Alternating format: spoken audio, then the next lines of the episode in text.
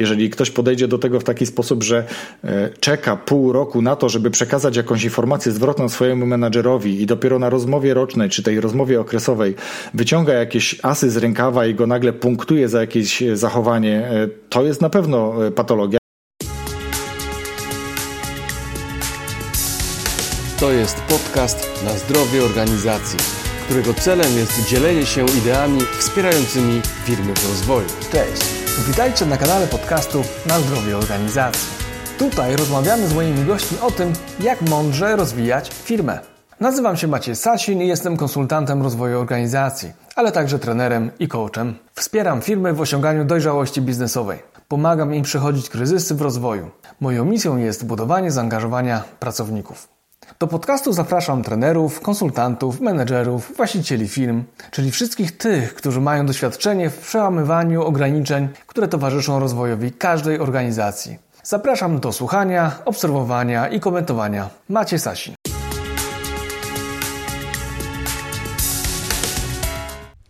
Witaj w 50. odcinku podcastu Na zdrowie organizacji.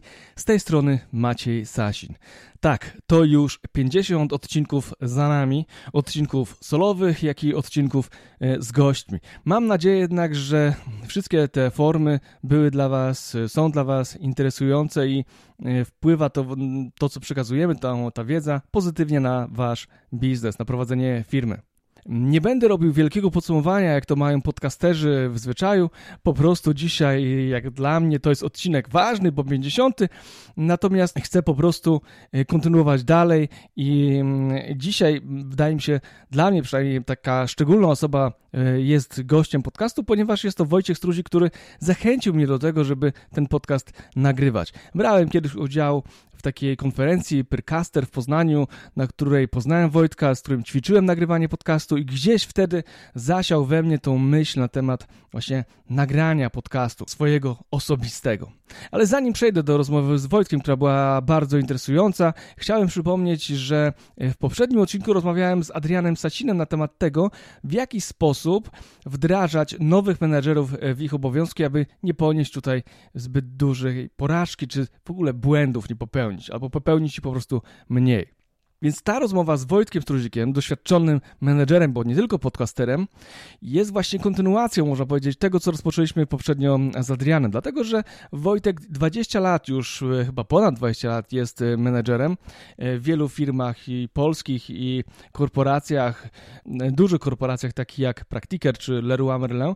No, bardzo fajne doświadczenia i chętnie się nimi dzieli, więc mi się bardzo dobrze Wojtka słuchało, zresztą Wojtek ma dużą łatwość mówienia, więc nie chciałem mu za dużo przerywać, po to, żeby dać wam jak najwięcej wartości, więc y, z jednej strony otrzymacie od Wojtka jego historię zawodową, e, tego, w jaki sposób ona się kształtowała, rozwijała się, ale też jakie po drodze pojawiały się trudności, wyzwania i e, też błędy.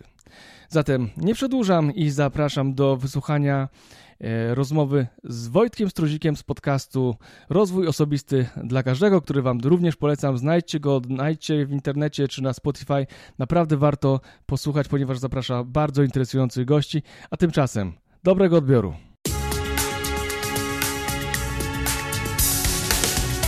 Cześć Wojtek, witaj w 50. odcinku podcastu Na Zdrowie Organizacji. Cześć, cześć Macieju. E, witam wszystkich słuchaczy. Bardzo miło mi i dziękuję za zaproszenie.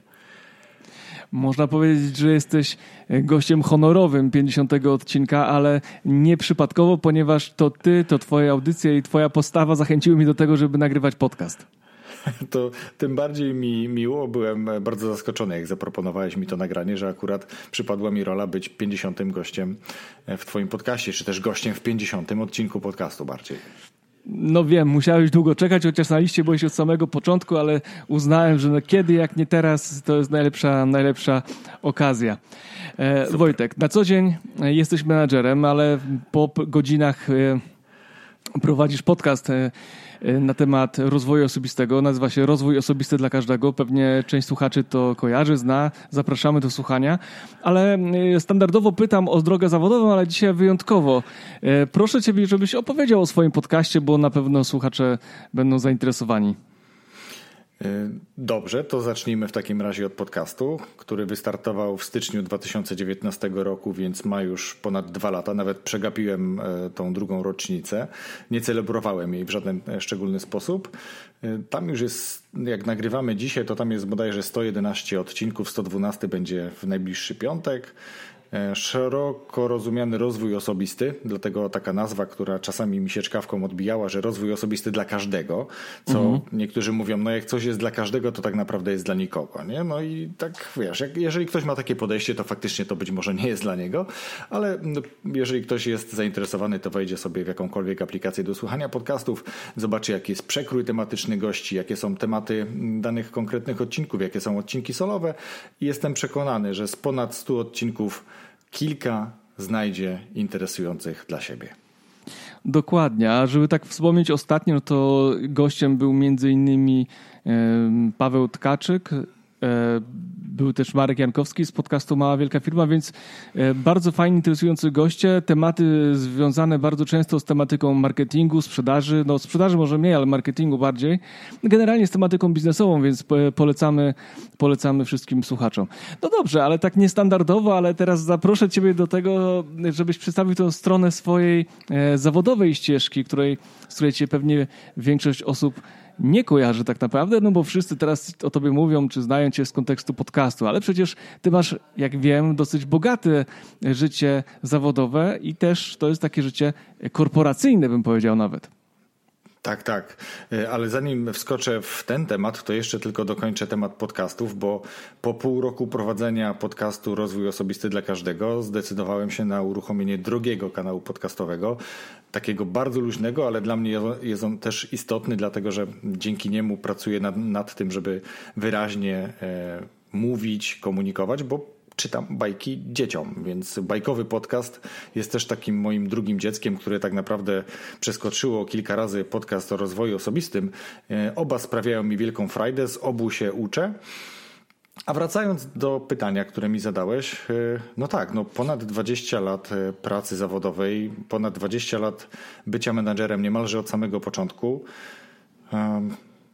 Też można powiedzieć, tak jak zaznaczyłeś, jestem takim, e, żartobliwie mówiąc, korpolutkiem, I tą mm. osobą, która jeżeli pojawia się temat korporacji i, i, na tle takim negatywnym, to też zawsze staram się stanąć po tej drugiej stronie i zapytać mm, albo mówić o tych rzeczach, które korporacje mają dobrego, bo, bo nie można mówić tylko o negatywnych wpływach, o negatywach związanych z pracą w korporacji, ale jest tam również bardzo wiele pozytywnych rzeczy i generalnie warto też równoważyć e, i mówić tak, jak jest naprawdę, a nie tak, jak ktoś wyolbrzymia, że jest, bo został na przykład przez kogoś skrzywdzony w jakiś taki sposób różny. Dokładnie. Ja myślę, że jest wiele stereotypów na ten temat. Ja sam pracowałem w firmie, która była korporacją e, albo też stawała się korporacją za też mojego, za, w trakcie mojej pracy w niej. E, więc uważam, że naprawdę jest wiele plusów, wiele atutów i można się naprawdę wiele nauczyć. E, a szczególnie wtedy, kiedy zaczyna się prowadzić swoją firmę, swój biznes, to osoby, które nie doświadczyły życia korporacyjnego, e, tych, praktyk, które są tam stosowane i możliwości rozwojowe, które daje, naprawdę mają później e, trudniej w budowaniu firmy. No tak, a ja miałem tą okazję jeszcze, że w międzyczasie swojej pracy korporacyjnej w, dla kogoś równolegle też prowadziłem swoją małą firmkę i no znowu, to też wynikało trochę z pasji i dużych zainteresowań, ale pewnie gdzieś w międzyczasie do tego przejdziemy, bo to jest taki ciekawy też epizod. No dokładnie, bardzo, bardzo chętnie. E, Wojtek, no to cóż, no to opowiedz trochę więcej o tych swoich doświadczeniach, na ile możesz, na ile chcesz się podzielić. Jak wyglądała ta twoja droga e, przez te 20 lat? Wiesz co, e, zacznę od takich ciekawostek, że ja generalnie od zawsze chciałem pracować. Od zawsze chciałem pewnego rodzaju swobody finansowej, e, rozwijania się w tym kierunku, uczenia się. Zawsze byłem dość robotny, tak można było powiedzieć, pomimo, że czasami mówię o sobie, że jestem leniwy, bo pewnych rzeczy mi się po prostu też nie chce. No, to jest taka normalna rzecz. Trzeba być tego świadomym. No, mózg wybiera to, co bardziej lubimy robić i, i pewne rzeczy spycha na drugi plan. No ale tak to właśnie było. Więc ja już e, jako uczeń technikum Pracowałem sezonowo w Zakopanem. Najpierw jednego roku byłem kelnerem mm, w pewnym hotelu, a w kolejnym roku w barze gdzieś na końcu Krupówek. Mm, to był taki bar EB. E, lałem piwo i smażyłem na grillu e, kurczaka, kiełbaski i parę innych rzeczy. E, mhm. To było bardzo ciekawe doświadczenie. Praca od pierwszej do pierwszej, więc mijało te 12 godzin ekstremalnie szybko. Mm, ciekawe doświadczenie. E, już jakby takie pierwsze zaczątki swobody, bo, bo przez ten okres miesiąca mieszkałem poza domem, pracowałem, więc czułem się już trochę taki dorosły. A później w momencie, kiedy skończyłem technikum, też bardzo szybko chciałem od razu iść do pracy. Koledzy e, po otrzymaniu świadectw część z nich, no nie będę generalizował, ale część z nich mm, wybrała się od razu autobusem do Urzędu Pracy, żeby zarejestrować się jako bezrobotni, a ja w drugą stronę, żeby szukać pracy. I jakby tą mhm. pracę bardzo szybko też znalazłem. Wiesz, to była najpierw taka mała przygoda mm, w hurtowni takich artykułów AGD, gdzie byłem pracownikiem magazynu, fakturowałem. Pracowałem tam raptem chyba miesiąc, bo po pierwszej wypłacie, jak się zorientowałem, że dostałem połowę tego, co miałem dostać, a tłumaczono mi to tym, że są straty inwentaryzacyjne na magazynie i że prezes też ma mniejsze wynagrodzenie, to, to po prostu podziękowałem jako, jako już wtedy bardzo młody chłopak, ale, ale czułem się oszukany. Później rozpocząłem pracę w firmie meblarskiej od takiego, wiesz, składacza mebli. E, bardzo to mhm. lubię notabene, bo jakby nie mam z tym problemu. Takie prace manualne też mi odpowiadają. Mm, a później bardzo szybko jakby zyskałem zaufanie właściciela tej, tej firmy i byłem e, taką osobą, która E, na przykład, no wiesz, wtedy nie było firm, e, takich firm ochroniarskich, konwojowych, które, mhm. które dostarczały pieniądze do banku, więc ja po prostu zawoziłem te pieniądze do, do wrzutki. A później zostałem e, kierownikiem w jednej z placówek i to była taka pierwsza przygoda, kiedy zacząłem się uczyć być menadżerem z bardzo mhm. małym zespołem, bo dosłownie jednoosobowym. W sensie jednego kolegę miałem, z którym współpracowałem i byłem wielkim kierownikiem salonu meblowego, no ale takie są początki, można się z tego dzisiaj śmiać, ale były ciekawe doświadczenia. Tam kilka lat pracowałem i e, jakby chcąc rozwijać się dalej, bo wiesz jak to jest w takich małych firmach, najpierw dostajesz dużo więcej niż miałeś dostać na początku, bo wiesz i później gdzieś w międzyczasie projektowałem meble kuchenne, montowałem te meble kuchenne. Mm, także tu też takie ciekawe doświadczenie. Z racji na te projekty też dostawałem dużo większe wynagrodzenie niż wstępnie na początku się umówiliśmy, a później gdzieś to się zaczęło zwijać troszeczkę, tak? Czyli jakby ten pomysł biznesowy właściciela firmy szedł w jakimś innym kierunku niż tendencja rynku. Pamiętam taką anegdotę, że kiedyś byliśmy na targach i, i i, koledzy łącznie z szefem śmiali się, że ho, ho, ho, Bodzio Meble, Bodzio Meble, co to jest? Dzisiaj firmy, w której ja pracowałem nie ma, a Bodzio Meble jest jakby rozpoznawalna na rynku no, bardzo dobrze, więc to jest, to jest taki, wiesz, kierunek, że można sobie czasami z pewnych rzeczy żartować, a później się e, jakby okazuje, kto miał rację w swojej strategii. Więc jak już e, odszedłem od mebli, poszedłem do dyskontów, to wtedy była firma Tip, którą bardzo szybko kupiła firma Geronimo Martins, y, wtedy jeszcze chyba holding to był, ale później już Geronimo Martins Dystrybucja, czyli Biedronka.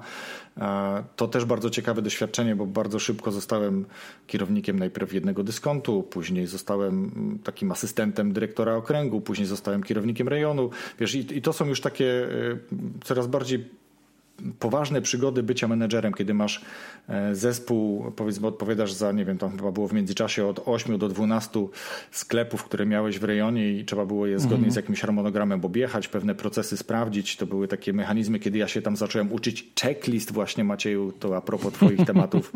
Więc to są takie moje pierwsze kontakty z checklistami, e, taki, takimi prostymi, gdzie wiesz, sprawdzałeś, czy cena promocyjna została zmieniona, czy layout jest zachowany, czy daty są sprawdzone i tak dalej, i tak dalej. Więc tam te procesy musiały kontrolne przebiegać w, w ramach takich checklist ustalonych odgórnie. Oczywiście wtedy na początku trochę się blokowaliśmy, bo przecież my wszystko wiemy, my wiemy jak to sprawdzać, ale później się okazało, że jak przyjechał dyrektor okręgu, który miał checklistę, to no, my jednak bez checklisty pomijaliśmy jakieś tam punkty, bo ktoś nas rozproszył i tak dalej, i tak dalej. Więc jakby przekonuje mhm. się człowiek z doświadczeniem później na temat tego, jak te checklisty no, właściwie stosować. Mm, tak, a później e, po bodajże niemalże 8 latach chyba pracy w tej firmie, uznałem, że kurczę, no fajnie byłoby zrobić jednak coś innego i poszedłem do kolejnej e, firmy, też dużej i też takiej, e, którą bardzo ciepło wspominam do dzisiaj, bo tam się tak naprawdę nauczyłem trochę innej pracy. Tutaj w, w Geronimo było, tak jak mówiłem, praca na takich checklistach, praca w procesów kontrolnych, też trochę takiego, wiesz, bardzo mocno mm, nastawionego na relacje zespołu, aczkolwiek mhm. tutaj koledzy mieli różne podejścia. Ja od zawsze jakby byłem taki relacyjny. A kolega się kiedyś śmiał, jak objął po mnie rejon, że, e, że, że, że, generalnie później jeszcze przez pół roku czkawką mu się struzik odbijał, bo to struzik to, struzik tamto, a on jakby miał inny model prowadzenia tych zespołów, więc to tak, tak bywa. Ale przeszedłem do firmy Leroy Merlin i, i tam tak naprawdę zacząłem się uczyć już takiej pracy menadżera na trochę innym poziomie, bo, bo mhm. byłem kontrolerem zarządzania, więc do mnie należało takie bardzo ciekawe stanowisko notabene, bo, bo e, nie spotkałem tego później w innych firmach, a to jest takie stanowisko, gdzie to tak ładnie mi przedstawiono w momencie, kiedy mnie rekrutowano, że jesteś przeciwwagą komitetu dyrekcji, tak się to nazywało. Jesteś przeciwwagą mhm. dyrektora, tak? Czyli jakby dyrektor jest twoim przełożonym, ale bez porozumienia z dyrekcją regionu nie może ciebie zwolnić to ma ci dać tego pewnego rodzaju uprawnienia do tego, żeby się niekoniecznie z nim zgadzać. Niektórzy moi koledzy bardzo sobie brali okay. to do serca. Nie zgadzać się i po prostu nie zgadzali się z zasady. Mm, a ja gdzieś tam dogadywałem się z jednym czy drugim dyrektorem, e, z którymi współpracowałem i, i naprawdę wielu rzeczy się nauczyłem, bo to już wtedy było takie, wiesz, analityczne podejście, marża, obrót, e, analiza podgrup, analiza pewnych rzeczy, tak, gdzie, nie wiem, chodziłem na obchód z dyrektorem razem z kierownikami handlowymi. Oni prezentowali jakieś pomysły, co do y, przebudów działów, tam mhm. jakieś zmiany ekspozycji. E, dyrektor później na przykład pytał, co ja o tym sądzę, czy będą pieniądze na tą przebudowę. Ja mówię, że nie będzie pieniędzy na tą przebudowę, bo dla mnie to najpierw trzeba zrobić ABC, czyli zamówić towar, wystawić etykiety cenowe i zadbać o to, żeby był porządek na dziale. Jak to będzie zrobione, to możemy myśleć o przebudowach. Nie? I tego się jakby tam uczyłem, bo to faktycznie czasami jest tak, że nie widzimy oczywistych rzeczy, nie widzimy tego, że są dziury w półkach, nie widzimy tego, że są e, nieaktualne etykiety cenowe albo ich po prostu nie ma, więc klienci podchodzą do półki i odchodzą bez towaru z pustym wózkiem, bo albo towaru no, nie ma, dokładnie. albo nie wiedzą ile on kosztuje. Tak? A pracownika wie, jak jest dorwać na takich, na takich działach. No po prostu go nie ma, albo jak przebiega, to on jest nie z tego działu, tak się śmiejemy. No może to się już dzisiaj zmieniło oczywiście, ale, ale takie były wesołe o, tak doświadczenia. często jest. Prawda? Więc, więc to, to była taka firma, gdzie naprawdę e, nauczyłem się e, zupełnie nowych rzeczy w porównaniu do, tej, do tych dotychczasowych moich obowiązków. No i to był taki moment, kiedy e, pojawił się w głowie pomysł, że skoro ja już tyle rzeczy wiem, bo tam pracowałem niespełna 3 lata, mm, to może chciałbym być, znaczy chciałbym, to ja wtedy chciałem być dyrektorem, chciałem, wiesz, awansować, chciałem się rozwijać tak. dalej. E, I okazało się, że nawet nie pamiętałem, że złożyłem kiedyś CV do kolejnej firmy, do której później przeszedłem. Mm, ale też miałem się rozwijać w ramach jakby struktur w tej firmie, w której pracowałem, w Leroy. Mhm. Ale ponieważ Leroy ma bardzo przemyślany mm, sposób rozwijania kariery pracowników, naprawdę polecam temu się przyjrzeć i popracować tam. Ja, ja tak jak mówię, mam bardzo dużo pozytywnych e, wspomnień z tamtej e, pracy. No mam nadzieję, że parę rzeczy opowiesz później jeszcze. taka drabina rozwoju, która ci mówi, jak, co, co zrobić, w jakim okresie czasu, żeby tam e, rozwinąć się w takim czy nie innym kierunku. No ale ja byłem niecierpliwy, więc jak do mnie zadzwoniono z tej kolejnej firmy, no to mówię, kurczę, tutaj będę czekał nie wiadomo ile, a tutaj proponują mi to już. Mhm. No i zmieniłem pracę, poszedłem do, do kolejnej firmy, to była firma Praktiker, której dzisiaj już nie ma. No, no, ale ja byłem panem dyrektorem, to, to wiesz, to, to był kolejny poziom menedżerski, kolejne wyzwania. Y, też angażowałem się w takie różne projekty, jakby wykraczające poza market, którym zarządzałem. Y, miałem, mam wrażenie, bardzo ciekawe relacje, bardzo dobre relacje, w sensie takim z, z ludźmi z centrali, którzy też jakby zapraszali do różnych projektów. To był też taki czas, gdzie praktiker próbował znaleźć chyba ponownie swoje miejsce y, na rynku. Mhm. To, że mu się to nie udało, to już wiemy, bo praktikera nie tak. ma. Ja w międzyczasie też y, zacząłem szukać pracy, bo już jakby widząc trochę, co się dzieje, to, to szukałem pracy. Taki, taki jest normalny, normalna kolej przecież. No tak. I zatrudniłem się w firmie, gdzie też miałem być y, dyrektorem na obiekcie, ale zarząd pierwszego dnia, jak tylko przyszedłem do pracy, zapytał, czy ja coś wiem o e-commerce, czy ja coś w sklepach internetowych potrafiłbym? Ja mówię, no jestem klientem sklepów internetowych, jakby od tej strony użytkownika mam pewnego rodzaju doświadczenie. To wystarczy. No i tak się znalazłem w dziale, e, który od zera uruchomił sklep internetowy. Dzisiaj nim zarządzam. E, mam zespół który odpowiada za obsługę klienta, taki kontakt center, który od zera stworzyłem. Mam zespół, który odpowiada za operację i logistykę w zupełnie innym mieście, stąd jakby raz w tygodniu mniej więcej do tego miasta jadę, żeby z tym zespołem mm, pewne rzeczy omówić, e, wysłuchać ich też, przyjrzeć się temu, jak te rzeczy się rozwijają, które procesy działają dobrze, które można jeszcze popoprawiać. Mhm. Dużo jest jakby ich inwencji w tym wszystkim, więc to tak pokrótce wyglądała jakby moja kariera zawodowa. Jak sobie dzisiaj policzę, to to jest no, ponad 20 parę lat.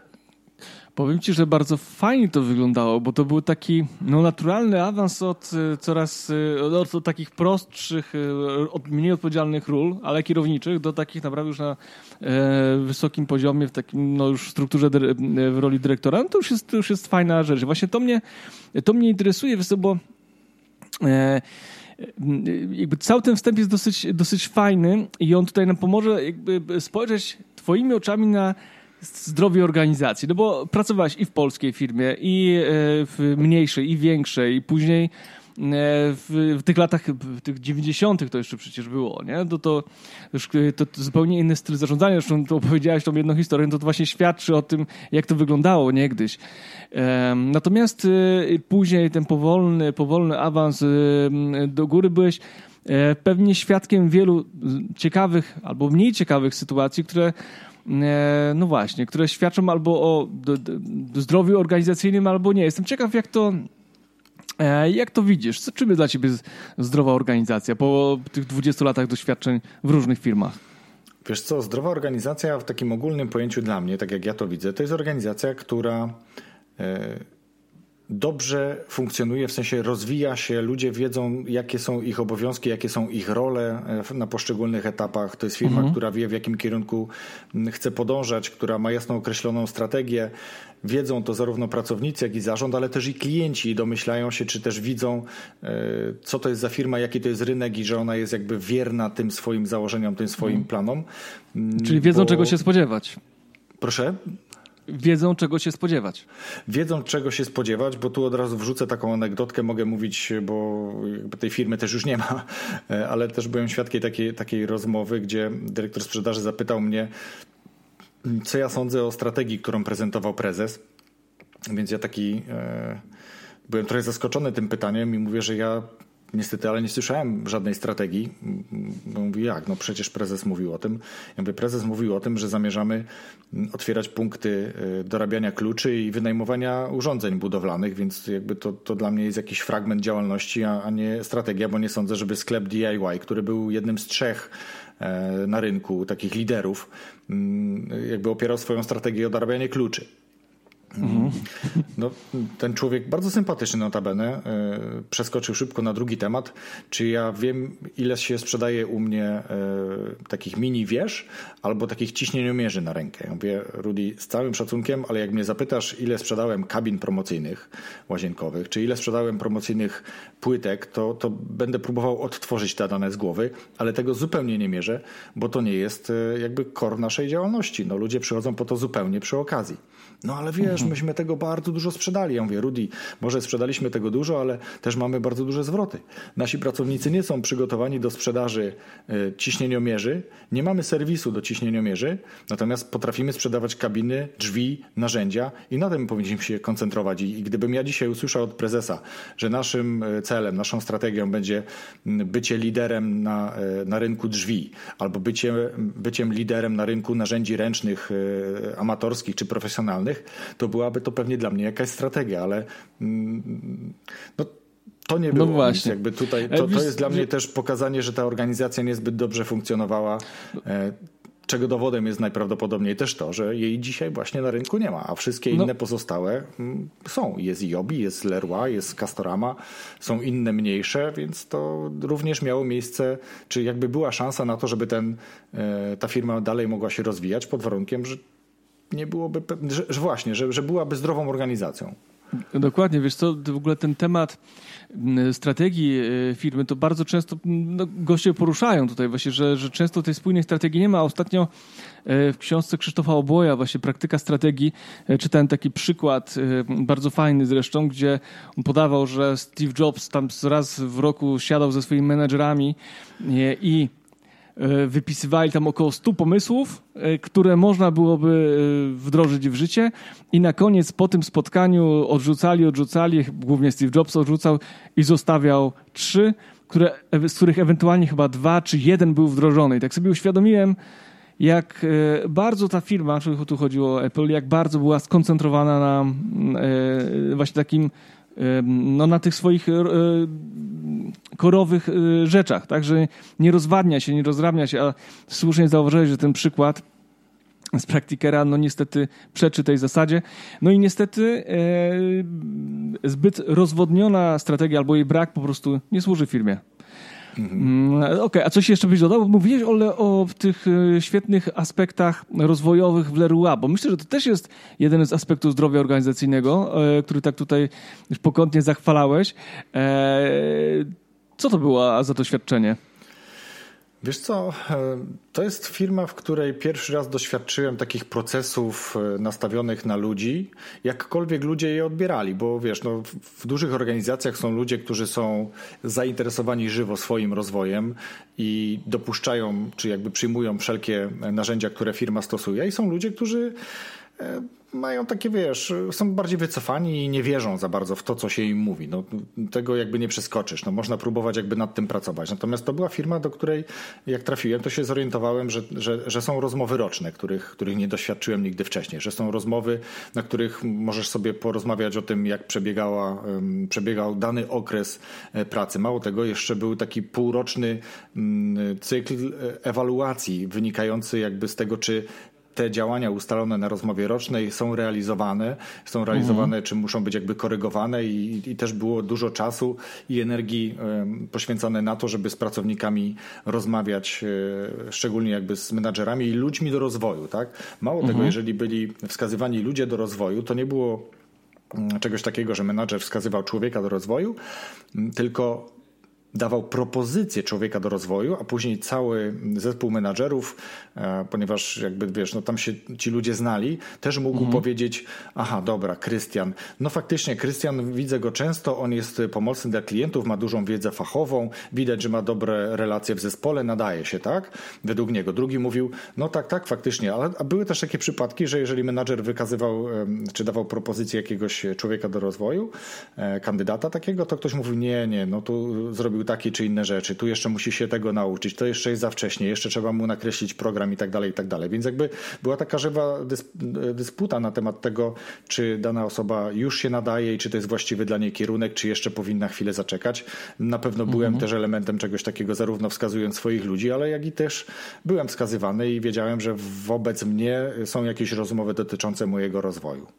A powiedz, wiesz co, bo w wielu firmach te rozmowy, tu nazwałeś roczne, ale nazywają się okresowymi i są to mhm. oceny zazwyczaj, no nie są dobrze postrzegane. Ja sam nie jestem wielkim fanem tych rozmów e, oceniających, bo zazwyczaj to no, zakrawał pewnego rodzaju patologię, ale rozumiem, że tutaj tego nie było tej, tych patologicznych zachowań, na tych rozmowach. Wiesz co, ja tego nie doświadczyłem, natomiast ja uważam, że coś takiego powinno się odbywać, natomiast warto, i warto, no to też złe słowo, należy być na bieżąco ze swoim zespołem, ze swoimi menadżerami, jeżeli mówimy o tej relacji przełożony do, do swoich podwładnych menadżerów i, i, i żeby nie było, bo no, faktycznie występują jakieś patologie, jeżeli ktoś nie podejdzie do tego dobrze, jeżeli ktoś podejdzie do tego w taki sposób, że e, czeka pół roku na to, żeby przekazać jakąś informację zwrotną swojemu menadżerowi i dopiero na rozmowie rocznej czy tej rozmowie okresowej wyciąga jakieś asy z rękawa i go nagle punktuje za jakieś zachowanie, e, to jest na pewno e, patologia i na pewno nie przyniesie zamierzonych efektów.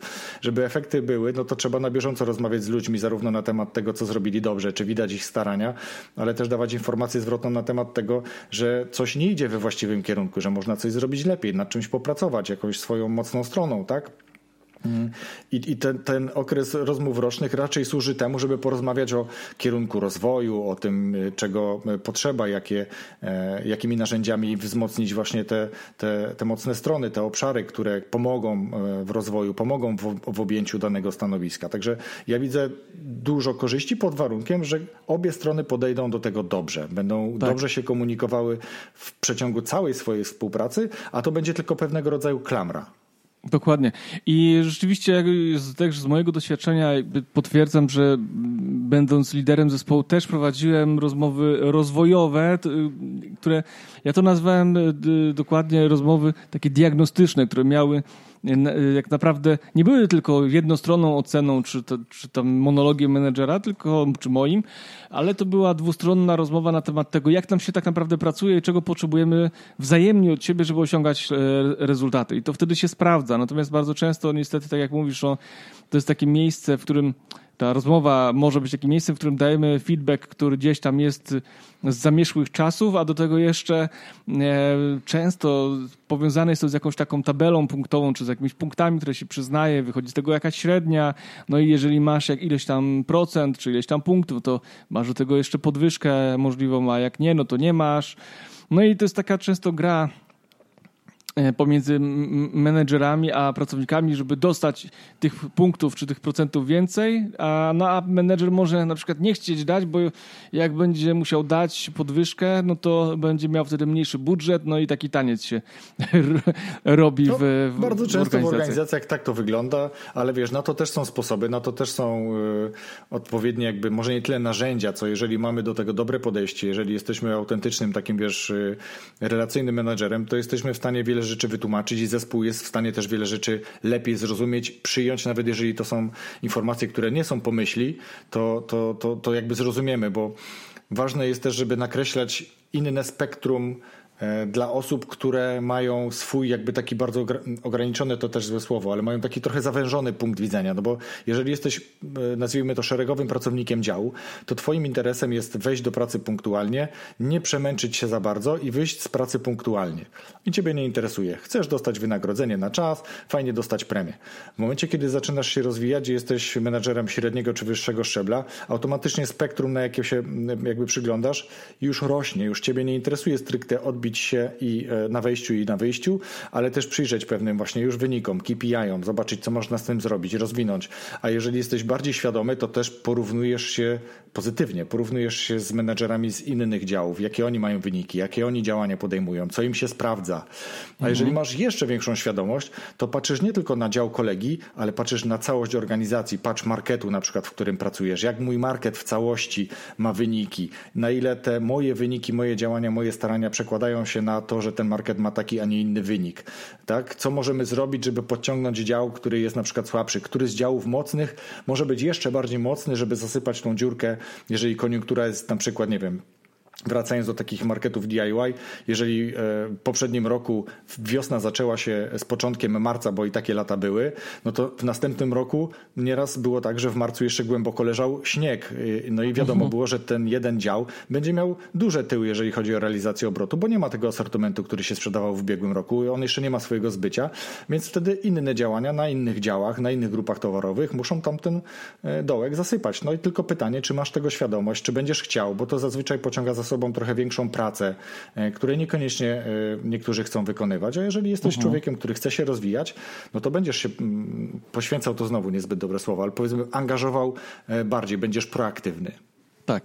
No właśnie, to jest takie, tak jak mówisz, wychodzenie z inicjatywą, no i można to zrobić, ale nie zawsze się chce i to myślę, że to jest bardzo mm, no, ważnym aspektem dla menedżera, ale myślę, że dla pracowników też, że myślę, że, że, że, pracownicy też generalnie jednak myślę sobie, że chcą się gdzieś tam e, rozwijać i nie, nie tylko myślą w takich kategoriach, żeby się odbić, chociaż oczywiście część pewnie tak myśli.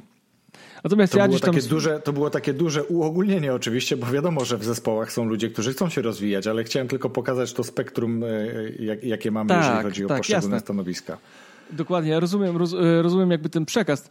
Natomiast właśnie e, fajnie, że o tym powiedziałeś, że wraz ze z jakby zwiększeniem się odpowiedzialności też zwiększać ta, to spektrum odpowiedzialności, jakby ta proaktywność, można powiedzieć, rośnie. to jest naprawdę no, ważne, bo jakby w poprzednim w poprzednim e, odcinku podcastu mówiliśmy z Adrianem e, Sasinem, notabene, o tym właśnie, że, że właśnie dobry wybór menedżera jest bardzo istotny, że warto awansować ludzi, którzy rzeczywiście będą wykazywać się tą proaktywnością i będą chcieli robić coś e, więcej. Ja myślę, że to, to fajnie się akurat z tym, co ty mówisz, łączy, bo rzeczywiście, no oczywiście są tacy, tacy menedżerowie, którzy tak jak mówisz, no, no, robią tylko od A do, do B, czy tam do rzeczywiście to, co muszą, a, a reszta gdzieś jednak tej aktywności, no, brakuje jej po prostu. I to, to nawet na stanowiskach menedżerskich niestety. Od menadżerów już raczej oczekuje się tego, że im będzie się chciało. Jeśli komuś nie chce, to warto się zastanowić, dlaczego mu się nie chce. Czy ja mu przekazuję właściwe komunikaty, czy być może ma jakieś e, okresowe, e, okresowe trudności i trzeba mu pomóc e, trochę od innej strony, czy trzeba go. Dzisiaj to jest już też całkiem stosowane w firmach, co mnie osobiście bardzo cieszy, że może trzeba poprosić o wsparcie coacha, jeśli on się chce rozwijać, ale ma jakieś przejściowe problemy, to być może coach go właśnie trochę pchnie i przeprowadzi z tego przysłowiowego punktu punktu A do punktu B, a jeżeli y, jakby żadne narzędzia y, motywacyjne nie działają, no to decyzja należy do, y, do menadżera, do przełożonego, czy jakby utrzymujemy to status quo i mamy taką osobę, takiego menadżera, któremu się nie chce i wiadomo, że wpływa też na innych, no bo e, wszyscy obserwujemy siebie nawzajem i widzimy, jak to pracuje, jak się kto angażuje tak. na każdych stanowiskach, czy, czy po prostu podejmie inną decyzję o, nie wiem, jest, jest bardzo wiele możliwości, wiesz, niekoniecznie związanych z, ze zwolnieniem takiego człowieka z pracy. E, no dokładnie, a fajnie, że o tym wspomniałeś, o tym coachingu w formie wsparcia, dlatego że ja myślę, że to też jest jedna z takich oznak e, zdrowych organizacji, że jednak widzimy, że ktoś potrzebuje wsparcia, to to wsparcie otrzymuje i e, pomagamy mu przełamać jakieś trudności, jakieś e, ograniczenia, które gdzieś tam z jakichś powodów e, posiada dana osoba i możemy, możemy wtedy jakby no, ułatwić jej wejście, czy, w, czy w tą rolę, czy pokonanie jakichś trudności, które gdzieś tam po drodze do, doświadcza. No dobra Wojtek, ale tu mówimy o dobrych rzeczach. Natomiast e, powiedz e, w tej swojej karierze takiej długiej już i, i różnorodnej, to z jakimi patologiami najczęściej się spotykałeś albo jakie najlepiej czy najbardziej zapamiętałeś? Takimi patologiami, no, złymi oznakami e, pracy, w pracy. Wiesz co... Kurczę, no trudno mi jest sobie tak przypomnieć. Ja jestem raczej człowiekiem, który nie żywi urazy i stara się pamiętać dobre rzeczy.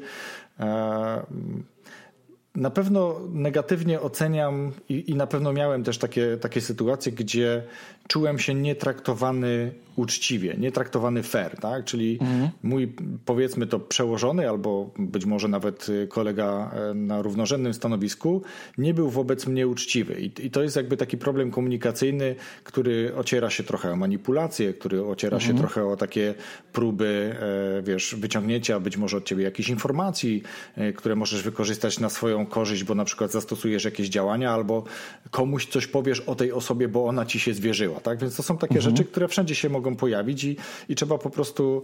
Mm, ja też jestem no, raczej taką osobą, która nie ma problemu z mówieniem, mm, ale czasem już po tych latach y, uczę się tego, że żeby mniej mówić, żeby po prostu, że, że, nie warto się czasami odzywać, nie warto się mhm. y, dawać wciągać w jakąś dyskusję na temat tego, że jeżeli ktoś zaczął e, od jakichś negatywnych informacji, że coś się źle dzieje i takiego, wiesz, narzekactwa, żeby się w to nie wciągać, bo, bo jakby mnie to nie dotyczy i to jest trochę też o tym, że wiesz, jesteś, jesteś sumą osób, którymi się otaczasz, tak, czyli jakby mhm. też mocno wierzę w to, że, że ta energia innych ludzi też na ciebie wpływa, więc jeżeli masz menadżerów, którzy są energiczni i nastawieni na, na działanie, no to ty automatycznie przy nich też taki będziesz, tak? A jeżeli masz menadżerów, którzy cały czas tylko marudzą, że w tej firmie jest tak źle, że w tej firmie są złe wynagrodzenia, że jest tak ciężko pracować i w ogóle nie ma tego, a w tamtej firmie to jest jabłko w środę, a tutaj jest jeszcze to, no to generalnie za chwilę albo sam zaczniesz gnuśnieć, albo coś z tym zrobisz, jako osoba, która, która może coś z tym zrobić, tak? Bo, mhm. bo nie ma takiej sytuacji, że, że musisz się poddać temu. Możesz być jak liść i płynąć, e, ale też myślę, że warto tutaj podjąć jakieś działania, szczególnie jeżeli jesteś osobą zaangażowaną, jesteś menadżerem na wyższym, e, wyższego szczebla, jesteś dyrektorem, no to, to, to musisz jakby zadziałać i nie możesz się godzić na to, żeby, żeby taka była relacja, żeby takie było nastawienie, bo tu nie ma mowy wtedy o sukcesie, nie ma mowy o energii w zespole, nie ma mowy o realizowaniu celów, e, a już na pewno nie takich, jakie mogłyby być realizowane, gdyby ci ludzie mieli energię i chęć do działania. Mhm. Ale co poruszyłeś tutaj bardzo ważny aspekt, y, czyli taki roli lidera, menedżera w budowaniu no, zdrowych e, zespołów, zdrowych relacji w tych zespołach. Także, no bo rzeczywiście, jeżeli w takim zespole w cudzysłowie jest jakieś takie zgniłe jabłko, które zagraża innych, no to wtedy mm, no, ta atmosfera pogarsza się, ludzie niechętnie przychodzą do pracy, nie angażują się też w nowe jakieś inicjatywy, czy nie wychodzą z pomysłami i to jest, no to jest, to, to jest, to jest niefajne. Myślę, że e, dobrze, że o tym mówisz, bo my często mm, nie zwracamy uwagi na to, że e, na te osoby, które właśnie taką negatywną atmosferę wprowadzają, nie, nie mówi im się o tym, jaki oni mają negatywny wpływ na, na, na zespół. Nie? Że, że gdzieś to jest czasami, no robi swoją robotę, robi dobrze, ma nawet wyniki, ale e, nie zauważa się, że ta osoba sieje ferment. Nie? A dlaczego się jej nie mówi? Wiesz co, to jest dobre pytanie. Ja się nad tym zastanawiałem w ogóle ostatnio. Eee, bo, czy, zastanawiałem się, czy to nie jest trochę tak, że trochę, trochę jest to w naszej jakiejś e, kulturze, że my nie, nie potrafimy jeszcze tak dawać informacji zwrotnej w taki sposób e, e, do przyjęcia dla tej drugiej strony, albo boimy się, jak to, że ta osoba zareaguje, że wiesz, że, że nas w jakiś sposób o, o, wiem, oskarży o coś, tak, że dojdzie do jakiegoś konfliktu. Nie wiem, a jak z twojej perspektywy? Wiesz co, e, trochę tak, natomiast z biegiem e, lat uczę się też tego. Ja ci powiem taką sytuację, że, że gdzieś na początku swojej drogi e, doszło do takiej sytuacji, gdzie z jednej strony trochę byłem tak uczony, że jeżeli wpadnie ci do głowy pomysł, że to jest czas, żeby się z kimś rozstać, to to jest już konieczne działanie, żeby się z tą osobą rozstać. Dzisiaj po tych latach patrzę na to trochę inaczej zadaję sobie pytanie, na ile ja włożyłem e, jakby tutaj cegiełkę do tego, że, że ta osoba pracuje dzisiaj tak, a nie inaczej. Ale to, co chcę ci opowiedzieć, to jeżeli już podjąłem decyzję, że się rozstaję z pewnym menadżerem, który absolutnie nie był zaangażowany w swoją pracę. Mhm. Do tego stopnia, że jak organizowałem mm, jakby takie powiedzmy sprzątanie jego sklepu, e, to on się nie pojawił, za to pojawiły się, e, pojawili się menadżerowie ze sklepów ościennych, e, żeby mi pomóc nie? jakby w przygotowaniu tego sklepu na, na, na, wiesz, na wizytację, nazwijmy to. Mhm. Ja tego osobiście nie lubię, ale faktycznie sklep nie wyglądał dobrze. No i powiedzmy, że już dochodzi do takiego momentu, gdzie jest zgodnie ze sztuką, mam przygotowane dokumenty, e, jakby cała historia jest pod to. Zaprosiłem kolegę też, żeby mieć świadka, bo, bo to tak byłem wtedy uczony, ale żebyś wiedział, że ja nie spałem praktycznie całą noc wcześniej, bo się tym tak przejmowałem. Ja, tak? Ta osoba, mhm. która, która zwalnia. Więc trzeba pamiętać o tym, że, że czasami ta druga strona też bardzo mocno przeżywa taką sytuację, że z kimś się musi rozstać. I tutaj wiesz, y, y, te nerwy, stres, y, całe przygotowanie. E, przyjeżdżam, czytam to wypowiedzenie, a on mówi: hm, Spodziewałem się, ale nie myślałem, że będzie tak szybko. Nie? I, I jakby to ci pokazuje, że nie musisz się tak denerwować, bo te osoby prawdopodobnie wiedzą, tak, inaczej, powinny wiedzieć, że coś jest nie tak. Jeżeli ktoś odchodzi, jeżeli ktoś zostaje zwolniony i jest to dla niego zaskoczenie, to znaczy, że coś zrobiłeś źle. Jeżeli ktoś odchodzi, to powinien wiedzieć, że to już jest ten moment. To też miałem takie sytuacje, że miałem człowieka, który się notorycznie spóźniał do pracy. Przyjeżdżałem rano sklep zamknięty, więc czekam, dzwonię, załatwiam kogoś, klienci się denerwują. On przyjechał raz, dostał ostrzeżenie, przyjechał drugi raz za jakimś czasie, po, po jakimś czasie też się spóźnił, dostał kolejne ostrzeżenie, ale to ostrzeżenie było już takim ostrzeżeniem ostatnim i powiedzieliśmy sobie wtedy, że słuchaj, nie może się trzeci raz zdarzyć. Jak się trzeci raz zdarzy, to znaczy, że to jest ostatni raz i się zdarzyło. Oczywiście, że się zdarzyło. Przyjechał i powiedział: Wiem, Wojtek, umówiliśmy się, i napisał porozumienie stron, y, wiedział, wiedział jakby co zrobił, tak? I to było bez żadnej presji, po prostu się tak umówiliśmy i on wiedział, dlaczego to się dzieje. I teraz jeżeli y, masz słabego pracownika, to musisz mu dawać jasne sygnały, wskazywać kierunki rozwoju, ale też mówić o tym, y, jakie są konsekwencje tego, jeżeli nie będzie poprawy. Jeżeli tej poprawy nie ma i ty dalej to komunikujesz, to ten pracownik siłą rzeczy musi się spodziewać, że coś jest nie tak i że prawdopodobnie powinien się przygotować do szukania nowej pracy. To tak oczywiście wiesz, to jest, to jest wyrwane z, z dużo szerszej e, perspektywy, z dużo szerszego kontekstu, ale, ale to jest trochę o tym, że, e, że, że musisz po prostu pamiętać, że po drugiej stronie też jest człowiek, ty też jesteś człowiekiem i jeżeli nie komunikujesz tego w sposób otwarty, bo wyszliśmy od komunikacji, no to później narasta tylko, narasta problem, narasta i tak. gdzieś tam w pewnym momencie być może będzie konflikt, więc z czasem uczysz się mówić wprost pewne rzeczy, oczywiście w sposób e, z szacunkiem, tak, żeby tego człowieka nie obrazić, nie dotknąć. Bo takie trudne sytuacje, na przykład, jakie mi się od razu teraz przypomniały, bo tych miałem kilka, to mhm. powiedzenie komuś, że nieładnie pachnie. To jest też problem. Tak? Jeżeli masz kasjera, kasjerkę, która, wiesz, stoisz w kolejce i już stojąc w kolejce czujesz nieprzyjemny zapach, no to czują to też klienci tak? I ktoś, za którymś razem może, może wiesz, yy, źle się z tym poczuć, tak, jako klient. E, tak. I też w zespole całkiem niedawno też tak mieliśmy, że był człowiek, który po prostu, no, no było od niego czuć, więc, no wiesz, no możesz jakby tutaj próbować, co, no podrzucisz mu mydło do szafki albo coś mu tam zrobisz. No nie, no trzeba go poprosić na osobności i powiedzieć, zapytać, czy, e, czy to jest jakiś, jakiś wynik jakiejś choroby, jakiegoś dużego stresu, czy po prostu on tego nie czuje, bo są też takie osoby, które mają jakieś jakieś kwestie chorobowe i one tego nie rozpoznają i wtedy trzeba mu powiedzieć, ja to czuję, dostaję sygnały od zespołu, że im to jakby nie odpowiada i tu są sposoby na rozwiązanie tego, tak? I, jakby zaproponować to, ale to też powiedzieć w taki sposób, żeby ta osoba nie czuła się jakoś, jakoś z tym źle. Wiesz co, ale to jest w ogóle fajne, że mówisz, podajesz ten przykład, bo on jest zawsze taki na szkoleniach hardkorowy, że tak to nazwę i ludzie o to pytają i w ogóle jak tu zareagować i, i, myślą, że tutaj nie wiadomo jakie cuda trzeba wykonać, ale właśnie nie ma innej drogi jak właśnie prosta, otwarta, e, bezpośrednia komunikacja i to oczywiście z szacunkiem wobec, wobec tej osoby i, i, i, to, i to zazwyczaj działa. E, no chyba, że z drugiej strony naprawdę nie ma jakiejś, jakiejś woli, a to już naprawdę są jakieś skrajne, skrajne Słuchaj, przypadki. Jest, jest najczęściej tak, że po prostu nie wiesz czegoś, co ta osoba y, nie wie, jak tobie zakomunikować. I nagle się okazuje, że ona na przykład dostała dwie koszulki, ale jedną ma już zniszczoną i chodzi ciągle w jednej, tak, służbowej koszulce, tak? Albo, albo coś się takiego wydarzyło i wtedy mówisz, no to przyjdź i powiedz, dostaniesz kolejną jakby tą odzież roboczą po to, żebyś miał możliwość przeprania i wysuszenia e, swojej koszulki, a nie chodził w niej na okrągło, no bo ile można w niej chodzić, tak? Nagle się okazują niesamowite rzeczy, nie? Tak, to zazwyczaj, tak, zazwyczaj to są proste rzeczy, brak komunikacji, gdzieś jakieś właśnie, e, a czasami rzeczywiście jakieś schorzenie, jakaś choroba i jakby trzeba to gdzieś tam wyjaśnić i, i, i po prostu no, wprowadzić, wprowadzić zmiany i te osoby zazwyczaj też e, jakby dziękują, że coś takiego, że ktoś im przekazał tę informację, Dokładnie bo osoby nie zdają bardzo często sprawy. No. Więc to, tak.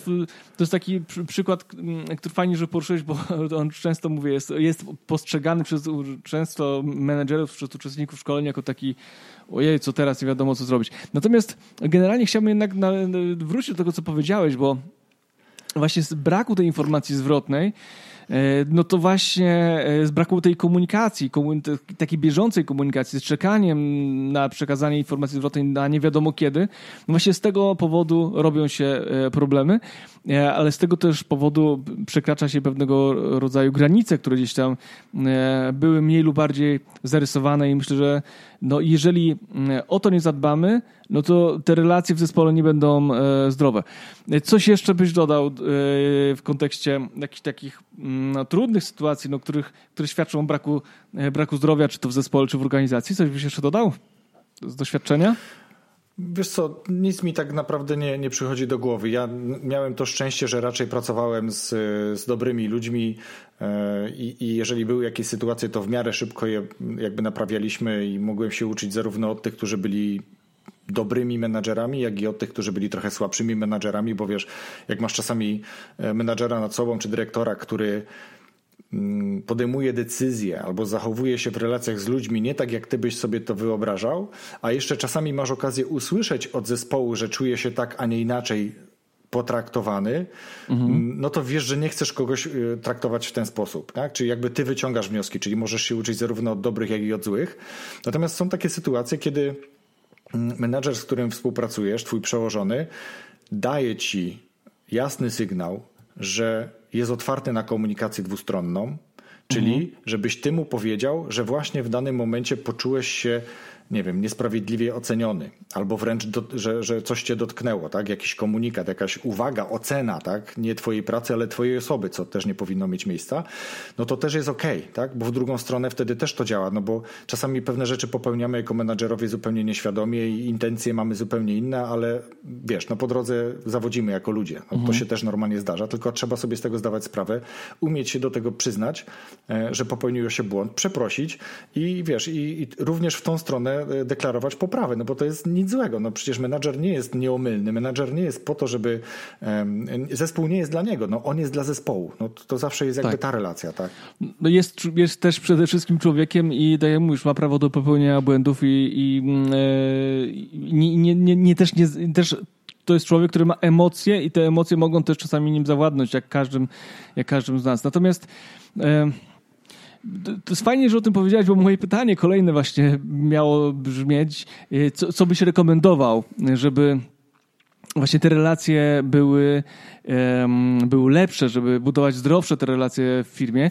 No i powiedziałeś tutaj o tym, że ta komunikacja musi być dwustronna, że, że menedżer musi być otwarty na tą informację zwrotną. Co byś do tego dodał jeszcze? Co, co by Wiesz tak co? poprawiło?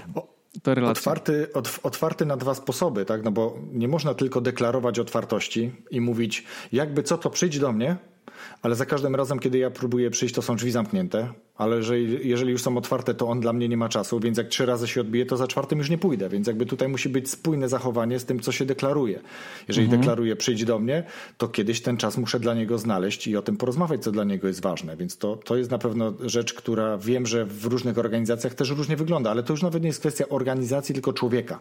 Tak? Ten mhm. menadżer musi sobie z tego po prostu zdawać sprawę, że jeżeli jest polityka otwartych drzwi, no to ten czas dla pracownika powinien e, się znaleźć. To, co na pewno bym rekomendował jeszcze, to taka refleksja e, nad sobą jako menadżerem, nad tym, jaką ja mam rolę mm, w tej organizacji i w, w tym zespole, e, żeby na przykład tu jest znowu, odzywa się taki mój wysoki talent empatia, e, czyli jakby taka zdolność odczuwania, wchodzenia w buty drugiej strony. Mhm. I tu znowu powiem taką historię, która, która miała swoje miejsce w jednej z firm, gdzie pracowałem, że młody kierownik, młody zastępca tak naprawdę kierownika, tak bardzo emocjonalny, e, dał jakąś informację pracownikowi, pracownicy konkretnie. Mm, no, kobiety bardzo często biorą tak to do siebie i jakby ta osoba się rozpłakała. Mhm. E, no ale ja już jakiś czas pracowałem z tym zespołem i wiedziałem, y, i te osoby też wiedziały, że mogą ze mną rozmawiać otwarcie, i ta osoba też, jak widzę, że ma, y, widać wyraźnie, że płakała, no to interesuje się i pytam, co się takiego wydarzyło, coś, y, czy w jakiś sposób mhm. można pomóc. No i usłyszałem, że właśnie została tak, a nie inaczej potraktowana. Mówię, no dobra, no to okej, okay, no to w takim razie muszę zapytać drugiej strony teraz, najlepiej w miarę mm, szybko i, i, i w takich warunkach, żebym usłyszał stanowisko drugiej osoby. No i też słyszę, że no tak e, nie zrobiła tego tak, jak chciała. I dlatego mhm. jakby dostała taką negatywną informację zwrotną. Y, jak ona konkretnie wyglądała, to sobie jestem w stanie tylko wyobrazić. No ale też pytam tej osoby, no dobrze, ale jak jej przekazałaś tą informację? No tak i tak. Ale jesteś pewna, że ta osoba zrozumiała to, co chciałaś, y, żeby zostało wykonane? No tak, no ale jak się upewniłaś? No ona mi kiwnęła głową, że rozumie. Hmm, no ale to nie jest, wiemy już o tym, najlepszy sposób. E, więc tutaj trzeba pracować jakby nad sobą po to, żeby mieć pewność, że ten komunikat, który został przekazany, został poprawnie zrozumiany, bo za odbiór e, komunikatu nie odpowiada odbiorca, tylko nadawca. Nie? Czyli ja się muszę upewnić na 100%, że to, co wypowiedziałem, czy to, czego oczekuję, to, co delegowałem, to ta osoba rozumie. Po pierwsze, no, tak. jeżeli mówimy o delegowaniu, to ja muszę wiedzieć, czy ta osoba już ma kompetencje odpowiednie na to, że to zadanie jest w stanie zrealizować. Ale jeżeli mówimy o prostych czynnościach, to jest znowu inna y, sytuacja zlecanie na przykład praktykantom, to jeszcze za starych, starych czasów, kiedy, kiedy faktycznie byli praktykanci z różnych szkół zawodowych. I na początku wiadomo, że deleguje się im proste czynności związane z utrzymaniem porządku. Więc było zadanie umycia takich parapetów przy oknach. I pytam kierownika, notabene tego samego kierownika, z którym się rozstawałem, przez którego nie spałem, czy te parapety zostały umyte. A ja już wiem, że nie były, więc tylko pytam, czy on to sprawdził. To, to też były takie, wiesz, podejścia jeszcze mnie, młodego menadżera, zamiast powiedzieć wprost, robiłem podchody. Więc y, mówi, no kazałem umyć. No ale czy umyły? Myły. No ale czy umyły? No umyły. No to chodź, idziemy, pokażę ci, czy, czy umyły, czy nie umyły. Nie? Więc jakby to jest znowu, e, jeżeli coś deleguję, nawet prostą czynność, to jeżeli ja tej czynności nie odebrałem, tego zadania, nie sprawdziłem, mhm. to nie mogę być pewny, że ono zostało zrobione, a już na pewno pewny, że zostało zrobione w sposób prawidłowy. Więc jakby wiesz, tu jest szereg takich czynności tak. menedżerskich, również kontrolnych, które wpływają później na tą relację z zespołem. Tak? No były takie sytuacje, gdzie ja, żeby nauczyć pracowników marketu dobrze myć chłodnie, no to sam myłem tą chłodnię i pokazywałem, jak się ją myje i na co zwrócić uwagę, żeby nie śmierdziało. Jak się mleko rozleje, no, no proste, no, no trzeba pokazać to, trzeba się pobrudzić. E, wiesz co, no tutaj do, dosłownie dotykasz tutaj koncepcji e, Blancharda i jego, jego stylów zarządzania. E, że trzeba dostosować właśnie do wiedzy e, i styl zarządzania do wiedzy, kompetencji pracownika, ale też do jego motywacji, zaangażowania, co często właśnie wydaje się takie proste i oczywiste, jak się dowiadują uczestnicy szkoleń czy tam menedżerowie o tej technice, ale okazuje się, że w praktyce no, nie, nie zawsze ona znajduje zastosowanie, a ten przykład, który podałeś właśnie dokładnie pokazuje to. Dokładnie tak. E, Wojtek, a powiedz... E, e, Jakie są koszty tego, że właśnie brakuje w organizacji tego w cudzysłowie no, zdrowia organizacyjnego, czy po prostu relacje gdzieś tam są mhm. zaburzone? Co firma traci? Wiesz co, kiedyś czytałem takie opracowanie, które e, pokazywało, że fluktuacja, czyli jakby odejście pracownika e, z naszej winy, tak? Czyli jakby my nie dokonaliśmy, nie, nie, nie wykonaliśmy dobrze naszej pracy, tak? Czyli już na, nie wiem, popełniliśmy błędy na etapie rekrutacji, później na etapie wdrożenia, a później jeszcze nie wiadomo na jakim tam etapie i pracownik decyduje się, że, że od nas odchodzi. Mm, kiedy my jakby nie planowaliśmy tego, to to jest koszt rzędu rocznego jego wynagrodzenia. Mhm. Więc jeżeli mamy rotację na poziomie x procent, no ona bywa różnie, różna w różnych branżach, w różnych firmach, w różnych okresach, cyklach koniunkturalnych, bo wiadomo, że to się zmienia. Całkiem niedawno mieliśmy e, jakby taki okres, kiedy ciężko było znaleźć pracownika do pracy. E, dzisiaj wiem, bo już rekrutuję jakby, więc widzę, że tych ofert na rynku pracy jest znacznie więcej. Więc tutaj e, warto, czy łatwo sobie policzyć, to jest jedna z, jedno z takich, jeden z takich kosztów, tak? bo to jest już stricte odejście pracownika. Tak. Mhm. My zainwestowaliśmy w jego rozwój, tam były badania, tam były, nie wiem, odzież robocza, wiele innych rzeczy, tak? Tam są różne składowe.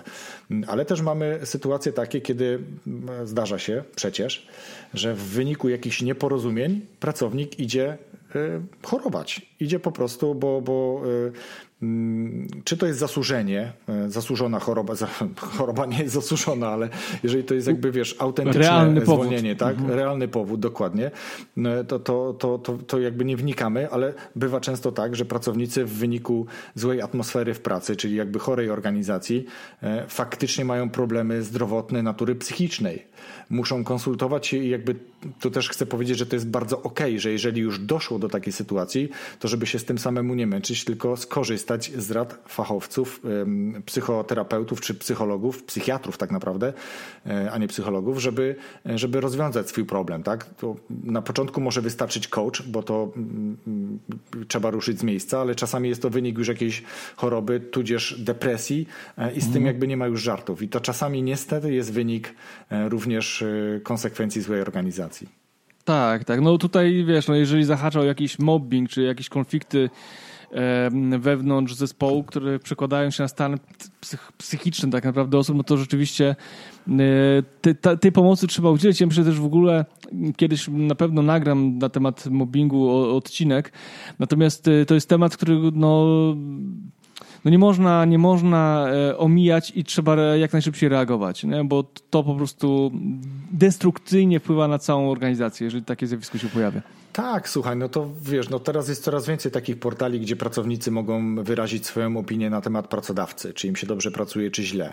To, że chętnie piszemy negatywne opinie, to jest jakby jedno yy, i trzeba to umieć wyważyć, no ale też to pokazuje, że jeżeli czytamy te opinie, to możemy się przyjrzeć pewnym procesom, możemy się e, faktycznie przyjrzeć problemowi, jeżeli nam zależy. Bo znowu mi się przypomina taka anegdota a propos firmy, gdzie pracowałem i której już nie ma, yy, ale tej wcześniejszej, gdzie szef powiedział, panie Wojtku, proszę nie robić reklamacji, bo z tego nie ma pieniędzy. Tak? Mhm. A wszyscy wiemy, że jeśli nie słuchamy klientów, którzy składają reklamacje, którzy mówią nam, dają nam tą negatywną informację zwrotną, poprawcie to. Nie wiem, e, kupiłem przeterminowany towar już trzeci raz w tym miesiącu na przykład, tak? No to trzeba się przyjrzeć, jak są kontrolowane te daty. E, czy być może dostawy przyjeżdżają źle ometkowane, czy pracownicy tego nie robią w sposób należyty, tak? Bo tu są różnego rodzaju konsekwencje później wynikające Dokładnie. z tego, że proces jest zaniedbany. Więc to, to, się, to się musi jakby w ten sposób odbywać i tych reklamacji trzeba słuchać, bo jeśli nie słuchasz, no to może się okazać, że za chwilę twój biznes przestanie istnieć i to też jest jeden z takich elementów, jeżeli, jeżeli on występuje, to ta organizacja na pewno nie działa zbyt dobrze. Dokładnie. Wojtko, a gdybyś tak miał z całego swojego doświadczenia życiowego jako menedżera e, podpowiedzieć menedżerom, innym przedsiębiorcom, dwie, trzy rady. Co robić, żeby e, zespół, którym zarzucamy, firma, którą tworzymy, żeby była po prostu zdrowsza? To co byś zarekomendował? Wiesz co, jest kilka na pewno dróg. Jedną z dróg jest to, żeby być stale mm, zaangażowanym w swój rozwój, żeby nie dać się uśpić, bo korporacje też mają taką, taką tendencję do tego, żeby uśpić pracownika, uśpić menadżera, bo jemu jest dobrze, bo ma regularne wynagrodzenie, bo są realizowane jakieś tam cele i on się nagle w pewnym momencie przestaje rozwijać, przestaje czytać książki, przestaje jeździć na szkolenia, mhm. no bo już jest tak zaangażowany w tą pracę albo ma jej tyle, że ciężko mu jest wygospodarować czas na to, żeby, żeby się gdzieś e, czegoś nowego nauczył, e, żeby pojechał na konferencję, żeby znalazł sobie osobę do obserwowania, która może być jego mentorem, która mhm. może go poprowadzić. To jest też jakby rola szefów, rola menadżerów właśnie, żeby wejść w pewnym momencie w rolę mentora i podpowiadać młodszym, bo też jest dobra praktyka, że jeżeli chcesz się rozwijać dalej, chcesz dalej awansować, to musisz na swoje miejsce przygotować zastępcę. Więc to jest też taka bardzo mocna rola mm, e, mentorska i myślę, że to jest jedno z takich rozwiązań. Druga, druga z, z takich rad to pracowanie nad swoją inteligencją emocjonalną, nad swoją empatią, nad swoją relacyjnością z zespołem, nad swoją komunikacją mhm. w sposób otwarty, z szacunkiem, e, prosty i możliwie natychmiastowy, tak, żeby nie zwlekać z informacjami zarówno tymi pozytywnymi, jak i tymi negatywnymi, żeby pamiętać, mhm. że jeżeli mamy komuś udzielić informacji zwrotnej, która będzie informacją krytyczną, wymagającą działań naprawczych, to należy to zrobić na osobności. Jeżeli to jest coś pozytywnego, to warto zaznaczyć to na szerszym gronie, Oczywiście też w taki sposób, żeby za chwilę ta osoba nie była, wiesz, y, odsunięta na margines, bo, bo ona ciągle jest doceniana, tak? A tak, i tak. tylko ona. Więc jakby wiesz, no tu jest dużo takich niuansów, które mogą, e, ktoś może mieć dobre intencje i do, do, dobre chęci, a może to zrobić źle. No trzeba sobie znowu zdawać sprawę z tego, y, z tego spektrum, na jakie patrzymy, z tego, jaki mamy horyzont, tak? Mhm. Co, co widzimy tak naprawdę patrząc. E, no i zadawać sobie pytania zadawać sobie pytania, dlaczego coś się dzieje, co mogłem zrobić, żeby było zrobione lepiej, ale nie pytania takie, żeby się obwiniać czymś, tylko po prostu, czy autentycznie mogłem zrobić coś lepiej. I tu tak też wrzucę taką historię, że jednego z menadżerów byłem niemalże zdecydowany, żeby, żeby się z nim rozstać ale dokonałem sobie właśnie takiej refleksji i, i zadałem pytań, pytania takie, wiesz, czy ten czas wdrożenia był odpowiedni? Czy mhm. moje zaangażowanie w proces wdrożenia było wystarczające? Czy ta osoba otrzymała wystarczająco dużo informacji zwrotnych na temat tego, w jakich obszarach się jeszcze powinna rozwijać, etc. Wiesz, tych pytań tam mhm. troszkę było i jak sobie wiele takich e, informacji na takie pytania odpowiedziałem e, negatywnie, czyli że jednak po mojej stronie jest e, odpowiedzialność, no to ja się wziąłem do pracy i, jakby zaangażowałem w to, żeby naprawić to, co się wydarzyło i, dzisiaj ta osoba się rozwija w, w, ramach firmy w zupełnie innym dziale, z zupełnie innym jakby zespołem, e, dalej pracując i odnosząc e, większe czy mniejsze sukcesy, tak? A, a, a zaniechałbym i pozbawiłbym firmę całkiem zaangażowanego e, pracownika, więc wiesz, no zawsze można patrzeć i jakby ja uważam, że ta empatia mm, jest, nie jest czymś złym, jeżeli mówimy o empatycznych menadżerach, mhm. pod warunkiem, że jest w odpowiedni sposób wykorzystywana czy też stosowana, właśnie taki, żeby te zespoły widziały, że jesteś autentyczny, że tobie zależy, że mogą e, tobie powiedzieć wiele różnych rzeczy i że ty nie, nie wiem, nie obrazisz się, nie weźmiesz tego personalnie, tylko, e, tylko coś z tym zrobisz pozytywnego, to, to to jest jak najbardziej słuszna droga. Super.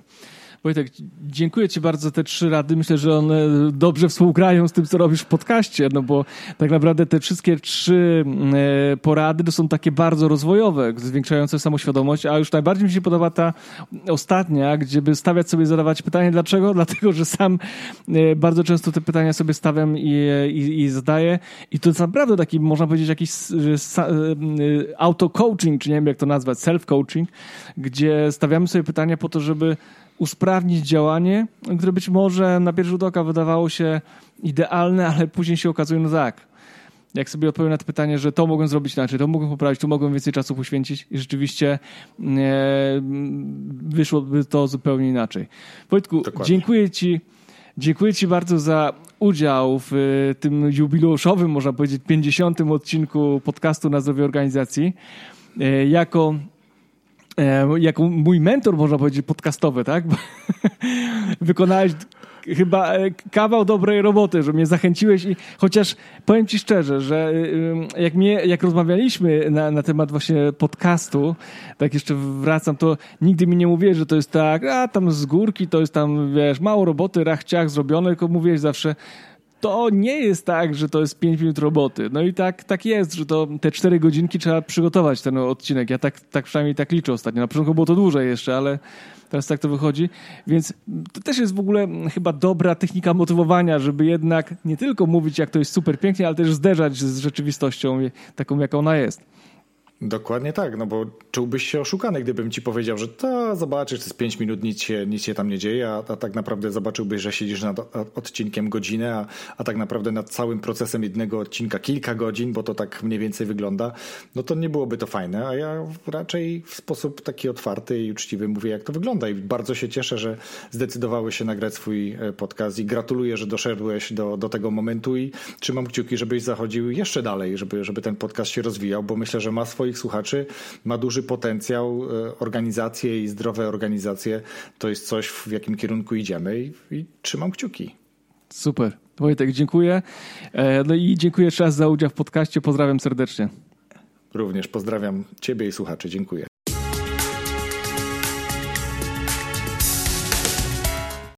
Dziękuję za wysłuchanie 50. odcinka podcastu na zdrowie organizacji, którego gościem był Wojciech Struzik. Tak, to już 50 odcinków, drugi raz to mówię, ale aż naprawdę trudno w to wierzyć. No i nie zamierzam zatrzymywać się na tym 50 odcinku. Zamierzam dalej dosyć systematycznie kontynuować nagranie, gdzie minimum raz na dwa tygodnie, ale moim celem jest jednak co tydzień publikować nagrania na temat tego, w jaki sposób budować zdrowe organizacje, szczególnie z myślą dla firm MŚP, które nie tak często mają dostęp do wiedzy i nie mają też czasu na to, żeby tą wiedzę mm, gdzieś tam gromadzić, no bo tyle roboty, że wiecie jak jest. Natomiast y, jeżeli podobają Wam się idee, które tutaj przedstawiam z gośćmi, zapraszam do tego, żeby być w kontakcie gdzieś na social mediach albo mm, e, poprzez drogę mailową. Zapraszam do, do, do rozmowy. Y, mój mail to maciej.sasin.ark.pl lub po prostu do rozmowy na LinkedIn. Zawsze odpowiadam, chętnie mm, coś doradzę, jeżeli jest taka konieczność, taka potrzeba z Waszej strony.